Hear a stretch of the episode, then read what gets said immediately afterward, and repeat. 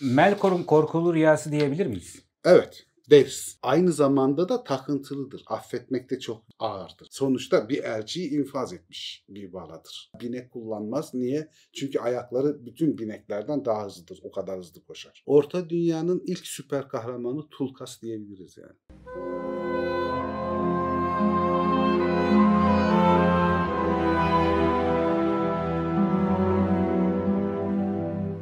Ya Allah aşkına bir saattir bak saat 12'de buluşacaktık saat 1. Bir saattir yani pamuk tarlalarından çıktık. Pambık önemli ama. Pamuk önemli. Siyasi gönderme mi yapıyorsun Zafer abi? Yok şey estağfurullah. Sonra Süper Lig'in detaylı bir analizi ufaktan, ufaktan. ufaktan bir analizi diyelim. Sonra Orhan Pamuk'tan, Edward Said'den, Nevzat Hoca'dan buralara geldik. Artık Michel Foucault, ha onları da konuştuk evet. Foucault, Alman Eco. felsefecileri. Edgar Allan Poe hepsini yazının konuştuk. felsefesi. Ve her biri birbirinden daha sıkıcı. Ama çıkış noktası ne? Pamuk tarlaları. Oradan mı çıktı ya? İlk başta onu konuşuyorduk. Nasıl oldu da buraya geldi mevzu yine? ne izliyorsun abi YouTube'da genel olarak bugünlerde? Ne Flu TV izliyorum. Ömer Aygün'ün kendi kanalı var. Onu izliyorum. Ama hani tavsiye etmeyeyim yani çok sıkıcı, çok meraklı değilseniz. Emrah Sefa izliyorum. Emrah Sefa'yı izliyorsun. Ama hani bu ara evet yani hemen herkes gibi Sedat Peker. Videoları önüne Videoları. çıkıyor zaten. Sadece hani çok ilk başta çıkıyor onları izliyorum. Bizim kanalı izlemiyorum. Onu diyeyim. Kendi sesine mi katlanamıyorsun? Kendi sesime katlanamıyorum. Bir de şeyi sevmiyorum yani. Ben anlatmışım. Yani oturup da kendini izlemek hoş bir durum değil. Yani niye kendimi izleyeyim? Abi şimdi kalabalık bir arkadaş grubuyla otururken şunu yapacaksın. Gizliden orada muhabbet dönerken videoyu açacaksın. Legendarium videosunu. Aa bizim video denk geldi ya. Bu yakışıklı da kim? Aa, Aa, benmişim. Ve de işin özüne aykırı. Kalabalık bir arkadaş ortamında ben Evet sen. doğru. Doğru. Siz bütün hayatını 5 kişiyle geçirmiş biri olarak. doğru söylüyor. Hayatında muhtemelen en çok konuşan kişi de benimdir herhalde. İlk ikiye kesin girersin yani. İyi bir şey olarak addediyorum evet, evet. söylediğini. yani İşte ne oldum değil abi ne olacağım diyeceksin. Evet doğru o da var. Yani Şimdi Allah'ın ben de çok konuşuyorum. Evet abi. Kameralar açıldı mı seni durduramıyoruz. Bir star ışığı oldu. Daha demin gelen mesajı da söyle Zafer abi. Bir, bir Ha evet e, fotoğrafınız. fotoğrafımı istiyorlar kaslı ajansları tarafından. İşte göndereceğiz bakalım. Dolandırıcı değiller onlar abi merak etme. Değiller abi gönder. 3-5 post çek. Artık dizilerde benden jön olmaz da şey olacak. Karakter rollerinde oynamaya. Şeye olursun abi. Ahmet Mekin'in boşluğunu dolduracak. ana kahramanı gidip danıştığı böyle Evet. böyle bir büyükse saygı duyduğu. Neydi? Kuşçu vardı. Kuşçu. ha. Kuşçu. Ay Miroğlu. aynen. Öyle bir rol sana yakışır Zafer abi. Ne diyorlar? Ekmeğinize bakın oğlum. Ekmeğinize bakın. ana karakter sürekli sana geliyor Zafer abi. Ben işte sürekli şöyle olarak böyle ekmeğinizi ekmek.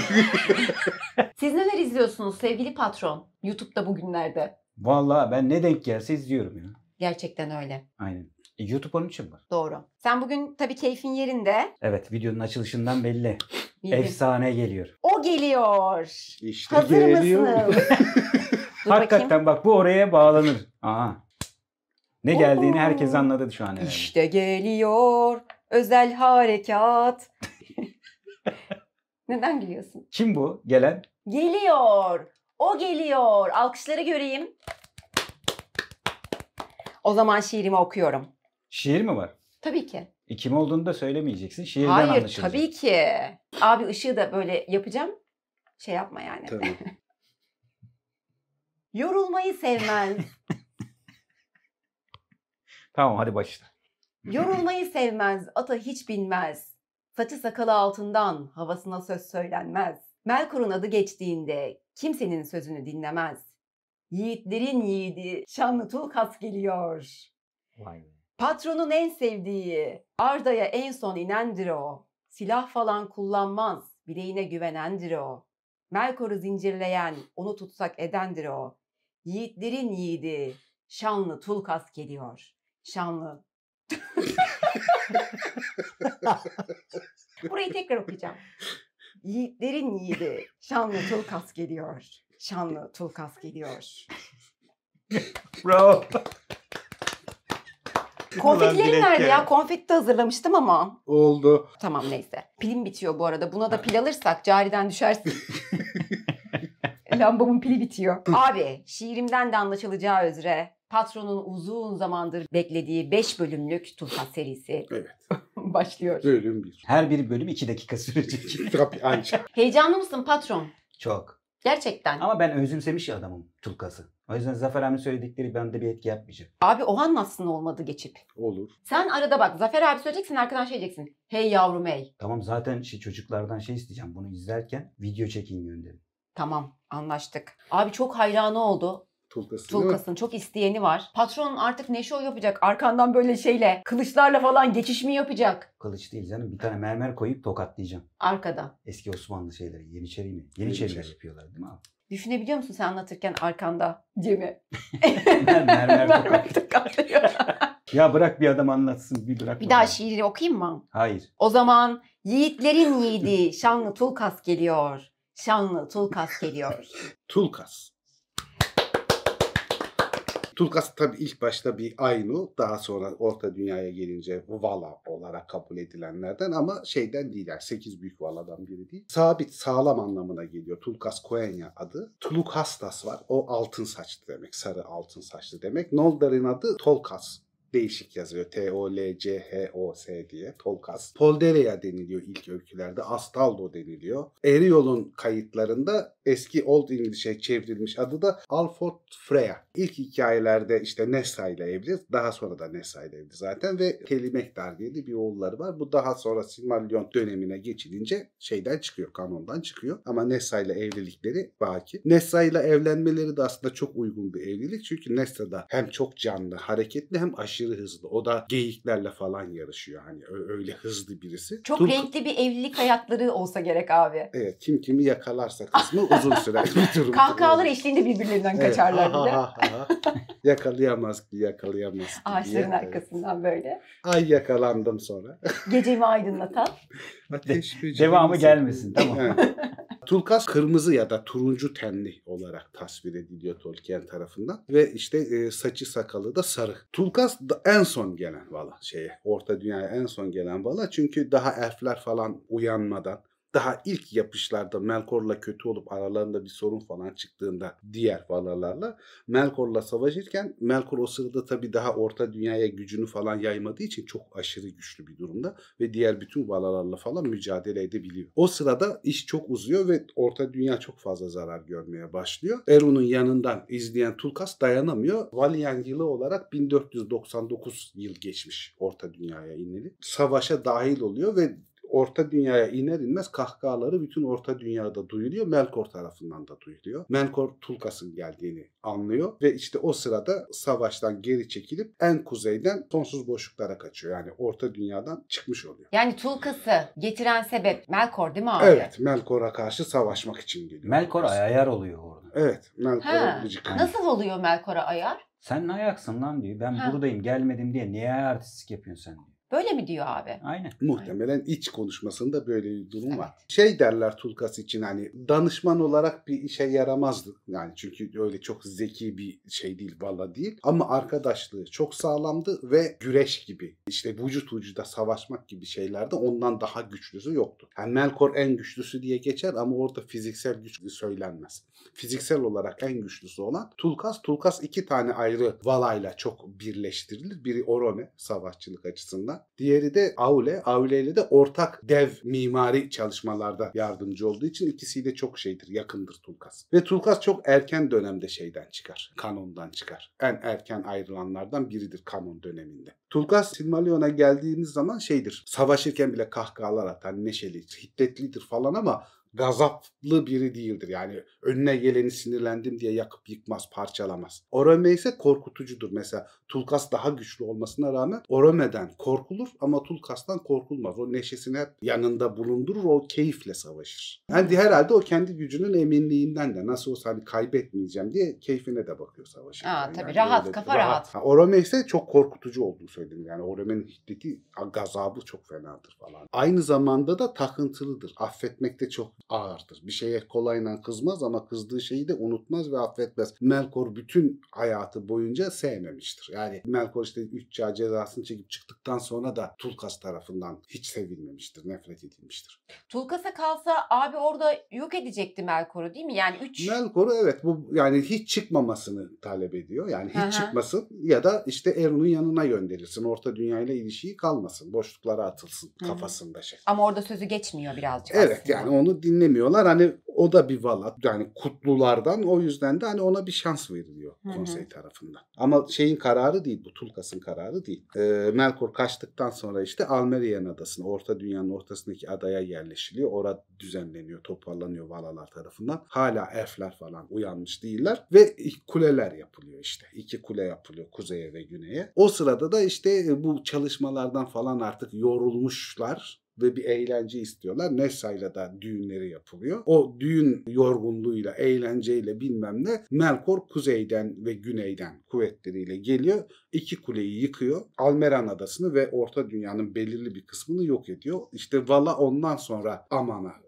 geçiyor. Tulkas uyanıkken böyle bir imkan yok. Yok evet yani Tulkas'la baş edemeyeceğini biliyor. Melkor Orta Dünya'ya çöreklenmiş oluyor. Onlar Aman'a gitmiş oluyor. Aman'daki işte evlerin yapımı, coğrafyanın düzeltilmesi falan gibi çalışmalarda Aule'nin sağ kolu gibi görev yapıyor. Çünkü hiç kimsenin taşıyamayacağı büyüklükteki büyük mermerleri, kayaları, kütleleri falan Aule ile beraber taşıyorlar. Hatta e, Kayıp Öyküler'de anlatmıştık o ilk tasarımlarda. İşte ağaçlar yok edildikten sonra ağaçların çiçeklerini de taşıyan tutan Tulkas'tır. Tulkas. Hani o ağırlığı, ağaçların gücü ağırlığını, meyvelerini taşıyan gene Aule ve Tulkas'tır. Ve e, gücüyle onlara yardımcı oluyor. Yalnız şey konusunda çok ısrarlı yani artık yani elfler de gelecek. Valinor'un da inşası tamamlandı. Melkor'u tutsak etmemiz lazım diye. Bu çok ısrarcı. Çünkü hani şeye dayanamıyor. Melkor'un Orta Dünya'da kendi hükümdarlığını yapıyor olmasına dayanamıyor. İlk başta Orta Dünya'ya daha fazla zarar vermemek için bu kararı onaylanmıyor Manve ve Konsey tarafından.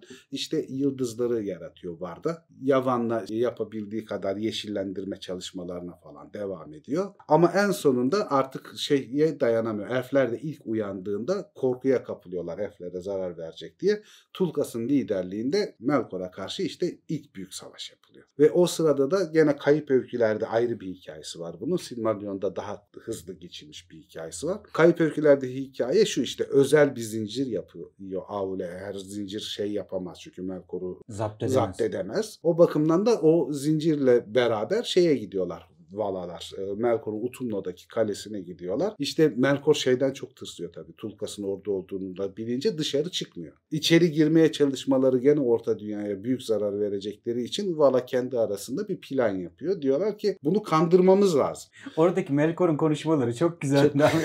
Uyanıklık yapıyor. O yani Gelin içeri ama o gelmesin. o gelmesin. Tulkas'ı zincirle sarıyorlar ve Sabit. kollarından giriyorlar. Bir şekilde kandırıyorlar. Yani biz sen, sana biat etmeye geldik. Seni aramızda görmek istiyoruz. Seni liderimiz yapacağız falan diye. Melkor da kendi kibrine Yenik düşüyor. yenik düşüyor ve Tulkas'ın da tutuklu olarak getirilmesi kaydıyla aşağıya inip onlar ayaklarını öpmelerine izin veriyor. Yalnız Tulkas o zinciri mesela taşırken Tulkas bile zorlanıyor. Öyle ağır kuvvetli bir zincir. Herkesten bir şeyler istedikten sonra Manve'den de işte gel önümde diz çök falan dedikten sonra Tulkas da gelip ayağımı öpecek diyor. Hatta oradaki detay çok komik. Planı şey daha önceden yumruk yediği için şeyden Tulkas'tan o da onun ağzına tekme vuracak. Senin depikten bir tane vuracak. Hani ayağını öpmeye çalışırken onu planlıyor. Manve de artık diz çökeceği falan zaman Tulkas daha fazla dayanamıyor. O zincirle beraber Melkor'un üstüne atlıyor. Uçuyor resmen yani zıplıyor. O zincirin ağırlığına rağmen. İşte orada Melkor'u dövüyorlar, bağlıyorlar ve 3 çağ boyunca şeye hapsediyorlar. Mandos salonlarına hapsediyorlar. İlk öykülerdeki 3 çağ orada kaldıktan sonra 4 çağ boyunca da Tulkas'ın evinde hizmetçi olarak görev yapacak Melkor. Hey yavrum. Öyle bir ceza yani. En bak. kısmı bu değil mi? Kesinlikle. çok onurlu bak. Yani Manve'ye çok şey yapıyor ya. Evet Manve'ye kusuyor ya. deliriyor ama Manve'nin diz çökmesine falan şey yapamıyor, dayanamıyor yani. Ya Melkor böyle bir delikanlı işte. Melkor. Melkor mu? Pardon. Tulkas. Abi içindeki gizli Melkorcu açığa çıktı. Yani Melkor'u tokatlayacak ya aklım oraya. evet ondan. Ha. Yani ilk hikayelerde, kayıp öykülerde işte çıktıktan sonra buna işte hizmetkarlık edecek falan diye evine geliyor ama asıl metne geldiğimiz zaman dışarı çıktığı zaman mesela Tulkas'la ne zaman karşılaşsa Melkor konseyin kararına karşı çıkmıyor, zarar vermiyor ama hep yumruklarını sıktığı ve dişlerini sıktığı söylenir Tulkas. Ve buna hiç güvenmediğini her şeyde de söyler. Her durumda da bildirir Valalara yani Melkor'a dikkat etmemiz lazım. Bu tehlikeli. Bunun dışarı çıkmaması lazım. Melkor ilk Fermones'e gidip de Finwë'yi öldürünce güneye doğru kaçar. Ama onlar kuzeye doğru gideceğini öngördükleri için direkt Orome ve Tulkas peşine düşer. Ararlar tararlar yoktur çünkü yanlış bölgede arıyorlardır. Güneyde işte Ungoliant'a denk gelir e, Melkor. Onunla beraber bir plan yaparlar. Ağaçları yok ederler ve gene herkes bunların peşine düşer. Tulkas hatta bir ara çok yaklaşır Melkor'a ama o sırada Ungoliath'ın karanlık e, yaymasıyla, ışığı tamamen yok eden bir karanlık yapmasıyla beraber şey diye tarif ediliyor. Yumrukları boşluğu dövdü. Melkor'u göremedi. Melkor da kaçıyor gidiyor. Tulkas bile onu aramaktan yıllarca o bölgelerde yoruluyor. Geri döndükten sonra da ta Feanor'un yemini dönemine kadar Tulkas'ın adını bir daha duymuyoruz. O büyük ihtimal evinde sinirle Sinirle duruyor. Yumruklarını sıkmış. Aynen. Feanor çünkü giderken şey diyor. Orem'e kadar takipte ısrarcı olacağız ve Tulkas kadar dayanıklı olacağız Melkor'un peşinde diye. En son Tulkas'tan bahsedilen şey Silmarillion'da o Feanor'un yemini kısmında. Bir daha ondan bahsedilmiyor. Tulkas e, genel olarak şeydir bakıldığı zaman Valar Konseyi'nin kararlarına saygılı, entelektüel seviyesi düşük ama çok delikanlı, çok kuvvetli ve çok sağlam bir arkadaştır. Güvenebileceğin, ona sırtını yaslayabileceğin biridir. Şey de yapmaz öyle şiddet sever falan değildir. İlk öykülerde bu şiddet seferlik özelliğini Mahisa diye bir hani savaşçı bir vala var ya iki Hı hı. kardeş. Meyasta ve Makar o kardeşlerin adı. Evet. Onlara yıkılmıştır o özellikle savaşçı geleneği bilmem ne falan. Tulkas orada daha şeydir. Daha az savaş sever falan bir, birisidir. Kayıp öykülerde. Daha sonra kanon kısmına geldiğinde Silmarillion'da o iki kardeş kanondan çıkartıldığı için Tulkas biraz daha savaşa yakın, daha şiddetli biri haline dönüşür. Çünkü onların özelliklerini de almış olur. O hikayede şöyle aslında o iki savaşçı abi ve kız kardeş ve Tulkas biraz bu hikayenin ilk yazılan hikayenin İskandinav kökenlerine dayalı olmasından. Hı hı. Yani biraz Tulkas Thor gibi düşünülebilir. Ben de orada aynısını düşünüyorum abi. şimşek tanrısıdır falan denir ama güreş şampiyonudur Thor'da. Asgard'ın güreş şampiyonu. Tulkas da Valinor'un güreş, güreş şampiyonudur. Fiziksel olarak da şey çok güçlüdür Thor halka arasında. Oradan bir benzerlik var. Ama işte Silmarillion'a geçince o İskandinav özellikleri olabildiğince törpülenmiştir. Daha bir şeye dönüşmüştür. Yunan mitolojisine doğru dönüşmüştür. Oraya dönüştüğü zaman da aslında biraz şeye benzer. Herkül'e benzer. Herkülleşir. Doğru. Daha bir Herkül karakterini alır tipolojisine, tarifine falan bakıldığı zaman hakikaten güreşçi bir tipi vardır. Yani bacaklar daha kısa, kaslı, çok güçlü kollar, iyi bir sırt falan diye çiziliyor ve öyle tarif ediliyor. Greco-Romen güreşçilere çok benziyor Tulkas'ın fiziksel hı. yapısı. Yani alıp yere çalma falan. Mesela binek kullanmaz. Niye? Çünkü ayakları bütün bineklerden daha hızlıdır. O kadar hızlı koşar. İşte e, silah kullanmaz. Niye? Elleri her şeye yeter güç olarak. Bir silaha ihtiyaç duymaz. Gerçi kayıp öykülerde bir demir şeyi vardır onun. Ee, sağ yumruğuna taktığı. Demir bir e, eldiveni vardır. Hmm. Onunla gücü daha da artar. O de- özel bir demirle yapılmıştır işte. Torun çekici gibi. Hah, ama şeyde yoktur o. Silmarillion'a geldiğimiz zaman öyle bir şeye rastlamayız. Onu da bilmeyenler Kayıp Öyküler serimizde kaçıncı bölümde şu an hatırlamıyorum ama çok keyifli bölümdü o ya. Bayağı güzeldi Evet, evet. yani. Tulkas'tan bolca bahsettiğimiz orada Evet. bulabilirler. Zaten şey değil yani kayıp öykülerde çok daha etkin gözüküyor Tulkas. Yani Tabii, hikayede çok daha belirgin. Orada Valar'la çok daha detaylı işlenmiş. Evet. Hı hı. Daha genel olarak Vala Evet. hikayesi var. Anglo-Sakson İngiliz hikayesinden vazgeçip de daha genel bir mitolojiye dönüştüğünde çok Yunanlaşıyor. Tulkas'ta çok Yunanlaşıyor o zaman. Daha bir Yunan tanrılarına dönüşmüş oluyor. Ve şeyde göndermeler var ama mesela Hobbit'te Yüzüklerin Efendisi'nde aslında eski mitolojiye göndermeler, kayıp öykülere daha fazla gönderme hissediliyor. Yani tam olarak da kafasından silmemiş demek ki Tolkien Hoca. O ilk öykülere de şeyden göndermeler var. O iki kitapta bağlantılar var yani. Abi Melkor'un tek korktuğu karakter Tulkas birebir korkuyor. Yani birebir hani fiziksel bir duruma geldiği zaman korkuyor. Hatta yıllar geçtikçe daha çok korkuyor. Çünkü gücünü, fiziksel gücünün de bir kısmını orta dünya üzerine Hmm. yaydığı için eylemleriyle, Tabii. kötülükleriyle falan zaten fiziksel olarak gitgide daha güçsüzleşiyor Melkor. O ilk gönderildiğindeki güce sahip değil fiziksel olarak da değil. Ama şöyle bir yararı var. Hiçbir zaman tam olarak da Melkor'u yok edemiyorsun. Niye? Orta dünyada kötülük yerleşmiş durumda. artık. Evet. Orta dünya yok olmadan Melkor'u da komple yok etmenin bir yolu yok. Bu işin detaylarını aslında e, şeyde Morgoth'un yüzüğü Orta Dünya tarihi 10. ciltte daha bir detaylı şeylerini bulabilirler. Hı hı. Ama hani çok Yalnız çok pahalı. yani. Türkçe basımı yok onu da Türkçe basımı de. yok. İngilizcesi de ben geçen gün baktım. iki hafta önce baktım 1600 liraya falan da 12 cildi. Dün baktım 3800 liraya çıkmış. Ey yavrum. Yani ciddi para. Yabancı sitelerde mi? Abi Amazon'da bak. Legendarium Türkiye'nin namı büyüdükçe. Bakıp bize gönderecek. İnşallah abi. Abi Tulkas'ı Melkor'un korkulu rüyası diyebilir miyiz? Evet deriz. Çünkü Yani ondan abartılı özel sıfat olarak olmaz değil mi? Yok abartılı olmaz hakikaten. Melkor'un kesin olarak bildiği bir şey var ki Tulkas'la mücadeleye girerse fiziksel olarak kaybedecek. Onu çok net biliyor. Hani zekayla, ayak oyunlarıyla falan yenerim ama iş o fiziksel şiddete Yakınıma gelme- gelmemesi lazım. gelmemesi lazım. Hani şey derler ya zor tekniği bozar diye bir laf var. Aynen. O zor kısmı yani. O 12 yaşında bir çocukla futbol oynarsan yenersin. Çocuk isterse Messi olsun. Niye? Çünkü yani omuzu koydun mu düşürürsün yani. Ona yapacak Aynen bir şey yok çocukla. Seninle baş edemez. Ama bu yakınlık olmadığı zaman da aslında Tulkas'ı gazlamak kolay oluyor. Hatta şey var bak çok önemli bir detay. Tulkas bir şekilde infazcı haline gelir. Kayıp öykülerde ondan da bahsettik. Bu Ungoliant'la beraber barış görüşmeleri için bir kendi adamlarından birini gönderir. Valinor'a, Valnor'a. Aa, evet evet Ve hatırladım. Manve'nin itirazına rağmen Tulkas çevrenin de Evet. onayını alarak o haberciyi geri göndermez. Elçiyi Tanakuletil'in tepesinden aşağı atıp öldürür. Hani Hmm. orada biraz daha karanlık bir tipte, daha İskandinav'dır işte. Çok mantıklı değildir. İlk baştaki öykülerde daha karanlık, daha zengin, daha detaylı anlatılmış bir Vala'dır. Tolkien hayatının diğer taraflarında ahlaki dualizme doğru kayar. Daha bir Hristiyanlık ahlakına doğru kayar öyküsü Silmarillion'da. O zaman işte bu eylem mesela yoktur. Hani Tulkas'ı kötüleyemezsin o durumda çünkü öyle bir hikayesi yoktur ama daha ahlaki bakarsan, Hristiyan bakarsan sonuçta bir elçiyi infaz etmiş bir baladır. Ya da günahkar bir tanrıdır diyebiliriz. Vay. Peki abi e, bu yorum olacak biliyorum. Elf savaşçılar Orome'yi mi daha çok sever Tulkas'ı? mı?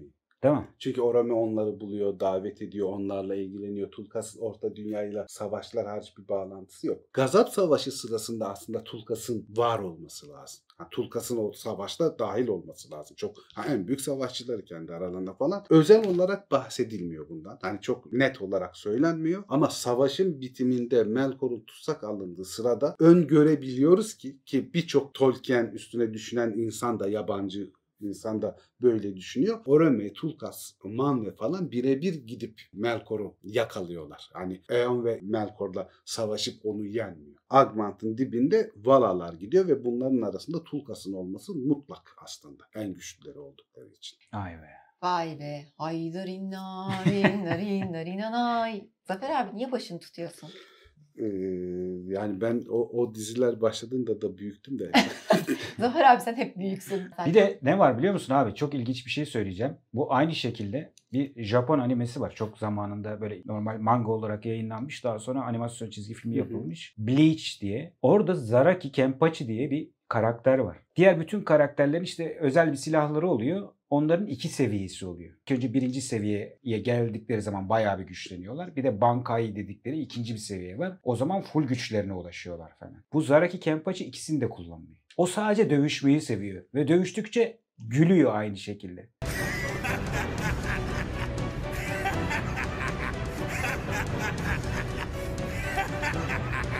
Ne Bu- zaman yapılmış? Vallahi bilmiyorum ne zaman da herhalde yani 2010'lar olabilir. Ha, daha. Mangası daha eskidir yani ama yeni yani yakın büyük ihtimal böyle detaylarını öğrendiğimiz için bir iki senede. Ama dedim bu Zaraki Kenpachi acaba Tulkas'tan değil mi? Çünkü diğerleri hep o birinci ve ikinci seviyeyi ya Bankai'ye ulaşmak için eğitim alıyorlar. Yapıyorlar. Bunun da silahı var ama Hmm. ben diyor kendi gücüme inanırım diyor. Sadece dövüşü ve dövüşürken de gülüyor. Eğleniyor. Evet, bence. Ne zaman karşısına çok güçlü bir rakip çıksa daha çok eğleniyor. Çünkü o mücadelenin kendisini seviyor. Mücadelenin kendisini seviyor ve diğerlerinden de çok ayrı ama yine o da heyet var. Heyetin başındaki en büyük ustaya Hı inanılmaz saygılı. Verdiği her görevi yapıyor falan. Buradan dedim acaba dedim Tulkas'tan mı bir esinlenme var? Olabilir. Çok Hakikaten benziyor çünkü. Şunu söyleyeyim Tulkas severlere sevinecekleri bir şey. Aslında olayın tamamına baktığımız zaman şöyle bir durum var. Orta dünyanın ilk süper kahramanı Tulkas diyebiliriz yani. İşte bu ya. Ama işte bu. çok kafası çalışmayan bir süper kahraman. Yani bir Hulk.